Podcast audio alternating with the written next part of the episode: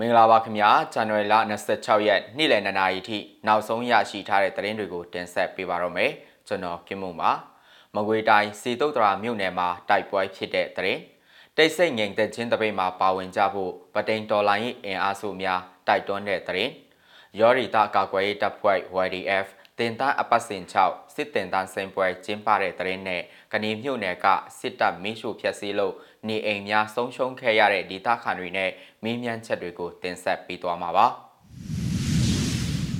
မကွေတိုင်းစီတုတ်ရာနယ်မှာတိုက်ပွဲဖြစ်တဲ့တဲ့နဲ့စားလိုက်ခြင်းပါတယ်မကွေတိုင်းဒေသကြီးအလဲပိုင်းမှာစစ်ကောင်စီတပ်တွေနဲ့ဒေသခံကာကွယ်ရေးတပ်တွေဇန်နဝါရီလ24ရက်နေ့ကပထမဆုံးတိုက်ပွဲဖြစ်ခဲ့ပြီးအခုအခါမှာစစ်ကောင်စီတပ်တွေကတိုက်ဆွဲထားတယ်လို့ဒေသခံတွေက BBC သတင်းဌာနကိုပြောပါတယ်။ အရင်ကတိုက်ပွဲတွေမရှိခဲ့တဲ့မကွေးတိုင်းစီတုတ်တရာမြို့နယ်ထဲကတက်ကဲချင်းကြီးရွာနာမှာစစ်ကောင်စီနဲ့ဒေသခံကကွယ်တပ်တွေကြားထိတွေ့တိုက်ပွဲဖြစ်ခဲ့တာလို့ဒေသခံတွေကဆိုပါတယ်။အဲ့ဒီမှာစစ်ကောင်စီဘက်ကအနည်းဆုံး6ဦးတိဆုံးပြီး12ဦးဒဏ်ရာရရှိခဲ့တယ်လို့ဒေသခံကကွယ်တပ်တစ်ခုဖြစ်တဲ့ BRA မကွေးကထုတ်ပြန်ထားပြီးစစ်ကောင်စီတပ်ဘက်ကသတင်းထုတ်ပြန်ထားတာမတွေ့ရသေးပါဘူး။ ဇန်နဝါရီလ25ရက်နေ့မှာတော့တိုက်ပွဲတွေဖြစ်ပြီးနောက်စစ်ကောင်စီဘက်ကရွာထဲမှာတပ်ဆွဲထားပြီးရွာသားတွေကိုစစ်ဆေးမှုတင်းကျပ်တာတွေလုပ်နေတယ်လို့ဒေသခံတို့ကပြောပါတယ်။ပေါက်မြိုင်ဂန်ကောစောရေစကြိုစတဲ့မကွေးတိုင်းမြောက်ပိုင်းဒေသတွေမှာဒေသခံကာကွယ်ရေးတပ်တွေနဲ့စစ်ကောင်စီတပ်တွေကြားရင်ဆိုင်တိုက်ပွဲတွေမကြာခဏဖြစ်ပွားတာရှိခဲ့ပြီးမဲ့လည်း မနီကစီတုတ်တရာမြို့နယ်တိုက်ပွဲဟာမဝေးတိုင်းအလဲပိုင်းမှာစစ်ကောင်စီတပ်နဲ့ပထမဆုံးရင်ဆိုင်တိုက်ပွဲဖြစ်တယ်လို့လည်းဒေသခံတွေကပြောပါရခင်ဗျာတိတ်ဆိတ်ငိမ်သက်ခြင်းတပိတ်မှာပါဝင်ကြဖို့ပသိမ်တော်လိုင်းအင်အားစုကတိုက်တွန်းတဲ့သတင်းကိုတင်ဆက်ပေးပါမယ်။အေယာဝတီတိုင်းပသိမ်မြို့မှာအာနာသိမ့်ပြီးတနစ်ပေးတဲ့2022ခုနှစ်ဖေဖော်ဝါရီလ3ရက်နေ့မှာတိတ်ဆိတ်ငိမ်သက်ခြင်းတပိတ်ပြုလုပ်မှာဖြစ်တဲ့အတွက်မြို့ပေါ်နေပြည်သူတွေအားလုံးက ပါဝင်ကြဖို့ပသိမ်တော်လိုင်းအင်အားစုတွေကတိုက်တွန်းထားကြောင်း PDF အဖွဲ့ဝင်တအုပ်ကပြောပါတယ်။ကျွန်တော်တို့ပြည်သူ့ကာကွယ်ရေးတပ်ဖွဲ့တွေအကုန်လုံးလဲနိုင်ရာတာဝန်ကိုထမ်းဆောင်နေသလိုပြည်သူတွေအနေနဲ့လဲတတ်နိုင်တဲ့ဘက်ကနေပါဝင်စေချင်တယ်။အာနာသိမ့်ပြီးကြတဲ့ကစစ်တုပ်စုကအုပ်ချုပ်တာကိုလက်မခံနိုင်လို့အခုချိန်ထိတော်လန်လာတာဒီလိုတစ်နှစ်ပြည့်တဲ့နေ့မှာလဲတန်တိတ်တပိတ်မှာအားလုံးစီစီလုံးလုံးနဲ့ပါဝင်ကြပါလို့သူကဆိုပါတယ်။ ဒါ့အပြင်အတန်တိတ်တပိတ်ပြုတ်လုပ်ခြင်းလက်ခုပ်တီးခြင်းတာမုံတီးခြင်းနဲ့ကာဟွန်တီးခြင်းတွေပြုလုပ်ပါကအကြမ်းဖက်မှုတိုက်ဖြတ်ရေးဥပဒေပုံမှ52ကရာဇသက်ကြီးပုံမှ124ကပုံမှ905က electronic ဆက်သွယ်ရေးဆောင်ရွက်ရေးဥပဒေပုံမှ 33ကအပြင်တီဆဲဥပဒေတွေနဲ့ပါအရေးယူခံနိုင်တယ်လို့စစ်ကောင်စီလက်အောက်ခံတွေကအေယာဝတီတိုင်းပသိမ်မြို့နယ်အခြားမြို့နယ်တွေမှာဇန်နဝါရီလ25ရက်နေ့ကလိုက်လံကြေညာခဲ့တယ်လို့လည်းဒေတာခန်တွေကပြောပါရယ် အဲ့လိုကြီးညာခဲ့ခြင်းအပေါ်ပြည်သူ့ကာကွယ်ရေးတပ်ဖွဲ့ဝင်တအုပ်ကဒီလိုကြီးညာတာဟာချိန်ချောက်မှုတစ်ခုလို့မြင်တယ်ပြည်သူတွေကိုမတရားပုံမှန်တွေတပ်ပြီးချိန်ချောက်နေလဲဖီဖော်ရီလတရက်နေ့မှာပသိမ်ပြည်သူလူထုကသာအဆုံးဖြတ်ပေးမှာပါပြည်သူနှလုံးသားကိုပုံမှန်တွေအမျိုးမျိုးတပ်ပြီးအကြောက်တရားတွေနဲ့တိမ့်ပိုက်အုပ်ချုပ်လို့မရဘူးဆိုတာစစ်အုပ်စုနဲ့လက်ပါဆိုတွေသိရမှာပါလို့သူကဆိုပါတယ်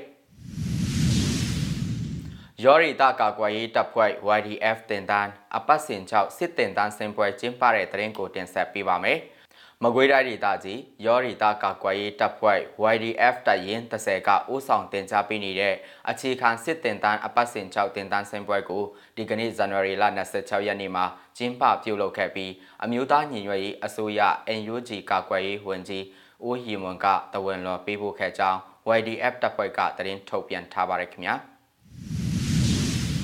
နောက်ဆုံးသတင်းတပုတ်ကတော့စကိုင်းတိုင်းကဏီမြို့နယ်အရှိတောင်ဘက်9မိုင်ခန့်အကွာချင်းတွန်းမြစ်ကမ်းနဘေနတ်ကြီးကြီးရွာရှိအိမ်ချီ20ကျော်ကိုစစ်တပ်ကဇန်နဝါရီလ23ရက်နေ့နေ့လယ်ပိုင်းမှာဝင်ရောက်စီးနင်းပြီးလူနေအိမ်အများအပြားကိုမီးရှို့သွားခဲ့ပါတယ်။ဇန်နဝါရီလ22ရက်နေ့ကလည်းနတ်ကြီးကြီးရွာမျက်နှာချင်းဆိုင်တစ်ဖက်ကမ်းရှိမူထောကြီးရွာကလူနေအိမ်ဆယ်လုံးကိုလည်းစစ်ကောင်စီတပ်တွေကဝင်ရောက်ကမီးရှို့ဖျက်ဆီးခဲ့တယ်လို့ဆိုပါတယ်။ နေအိမ်တွေကိုမိရှုချင်းခံရတဲ့နတ်ကျေးကျေးရွာဒေသခံနှုံးနဲ့မူထောကျေးရွာမှဒေသခံ၃ဦးကိုမစ္စည်းမကမေးမြန်းထားတာကိုဖွင့်ပြချင်ပါတယ်ခင်ဗျာ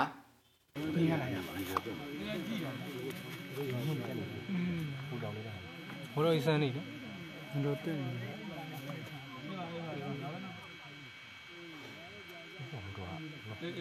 ကမလိုက်လုံးမလာတက်တော့ကိုလေးစုဆောင်းပြီးတော့စောက်ခဲ့ရတာ ခုကြတော့ဒီလိုကြီးလောက်သွားတော့ကြတော့နေတွေကလည်းမရှိထိုင်းတွေကလည်းမရှိဖြစ်နေတယ်ရှိရတယ်အားကြောင့်ဆိုတော့သာတော်ရမှာလူလူမလောက်ကင်မစိတ်မပြေရတဲ့တဲ့ပြေးရလွှားရနဲ့လောက်ကင်နေရတာသာတော်ရမှာဒီလိုကြီးတရထဲနဲ့ရှိုးသွားတော့ခံမြင်တာပါစိတ်လဲတူတာပါဝင်နေပလက်တဲ့နေရထိုင်ရတာတော့ခု ကျွန်တော်အသက်ဆိုရင်90နဲ့9နှစ်ရှိပြီအဲ့ဒီနဲ့တည်းကြည့်ရတာတခါတရက်တည်းနဲ့ကုန်သွားတာပါလေကြာကျွန်တော်ပြောသေးရရှိရဆိုတော့ကျွန်တော်တို့ဘဝဟာကျွန်တော်ဆိုတာကြာလူနော်ကြာလူဆိုတော့ဒီလောက်အသင့်ဖြစ်နိုင်တဲ့အကြီးကြီးကျွန်တော်မရှိနိုင်တော့ဘူးဆိုကျွန်တော်ကိုကျွန်တော်ပြီးပြီးပါပြီနောက်ထပ်လည်းဒီလိုလုံလဲမလုံနိုင်တော့ပါဘူးကျွန်တော်တို့ဘဝလေးဆိုကျွန်တော်ဆိုရင်90နဲ့9နှစ်လုံးလုံးတငါလုံးပြီးတော့ကြိုးစားခဲ့ရတယ်ဟာလေးခုတရက်တည်းနဲ့ကုန်သွားတာကျွန်တော်ဘဝလေးကြည့်တော့တာပါ ဒီတဲ့ပြန်ပြီးတော့ထူထောင်တာလည်းအဆင်လည်းမရှိတော့ဘူးချိုးချိုးခံရတော့ရင်ထဲတော့ဦးရဲ့တဲ့တွေစွန့်နေတယ်လို့လေခံစားလိုက်ရတာ။အမျိုးတွေဖြစ်မဲ့လို့လဲတွေးမထားဘူးတခါမှ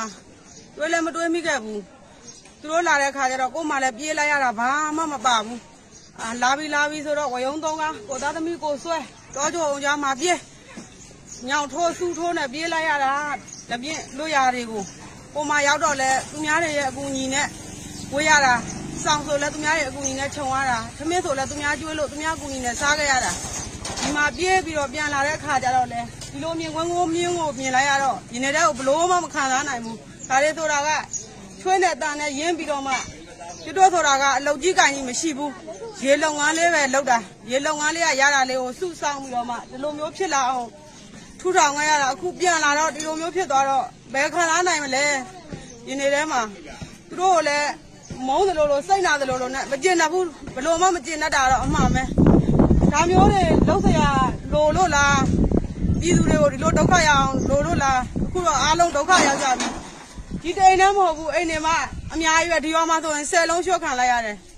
ရှော့ခံရတဲ့လူတိုင်းလည်းဒီတိုင်းပဲပြန်လာတဲ့အခါကိုယ်အိမ်ကိုယ်ရာကိုကြည့်အရန်ဝမ်းနေရတယ်ငိုရတယ်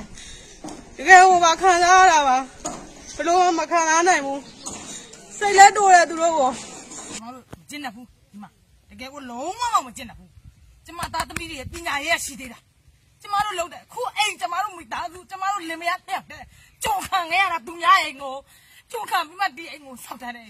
ခွဲတဲ့တောင်းစားတဲ့လူလောက်မှာခွဲလောက်မှာအသိမရှိတဲ့ဟာနွားတယ်မို့အသိမရှိတဲ့နွားတယ်မို့ဒီအိမ်တွေကိုဖျက်ဆီးထားရတာကြည့်တော့ကြည့်ဒီမှာကလေးလေးတွေကျမတို့ကလေးလေးတွေကြည့်နော်အခုမှဆာမမြောက်ကလေးလေးတွေအစားကျမတို့မှဒီမှာဟာမော င်အတိသေးတာမရှိတဲ့လူတွေကလောက်တယ်လို့ကလေးတွေဥမဲ့မဲ့ဆာမမြောက်အိုးမဲ့အိမ်မဲ့ဖြစ်ခဲ့ရပြီကျမတို့ဘာမှကောက်စရာစရာဘာကောက်စားစရာဘာမှမရှိရတဲ့ဘဝမှာကျမတို့နေခဲ့ရပြီသူတို့လည်းအဲ့ဘဝကိုပြန်ရောက်မယ်နော်သူတို့ဝစ်ဆိုတာပြန်လဲအောင်မအဲ့နွားတွေကနွားတွေပြန်ဝစ်လဲအောင်မဒီပေမဲ့ကျမစိုးရိမ်တာကကျမတို့ဂျုံများအိမ်ကိုဂျုံခံခဲ့ရတဲ့ကျမတို့လင်မယားနှစ်ယောက်ဂျုံခံခဲ့ရတဲ့အိမ်လေးခုလိုဖြစ်သွားတဲ့ဟာလေးကိုကျမတကယ်ကိုရှင်းလာလို့မဆုံးဘူးအိမ်တစ်လုံးရဲ့တန်ကျဲကိုမသိတဲ့နွားတွေ အိမ်တစ်လုံးရဲ့တန်ကျဲကိုမသိတဲ့နွားတွေကဒီအိမ်ကိုမိရှို့ရက်တယ်ဒီအိမ်ကိုလှုပ်ရက်တယ်ပြည်သူတွေကိုလှုပ်ရက်တယ်အရင်တစ်ပတ်ကလာတော့ကလည်းသူတို့ဒီရွာတွေကဟာတွေကိုသူတို့ခိုးတယ်ဖွက်တယ်ရွာတွေကပတ်စံတွေလည်းယူတယ်ရွှေတွေလည်းယူတယ်အခုဒီဒီဘက်ကျတော့သူတို့ကမီးရှို့ထားခဲ့တာအဲ့ကျတော့သူတို့လောက်ရက်တွေကမှားသလား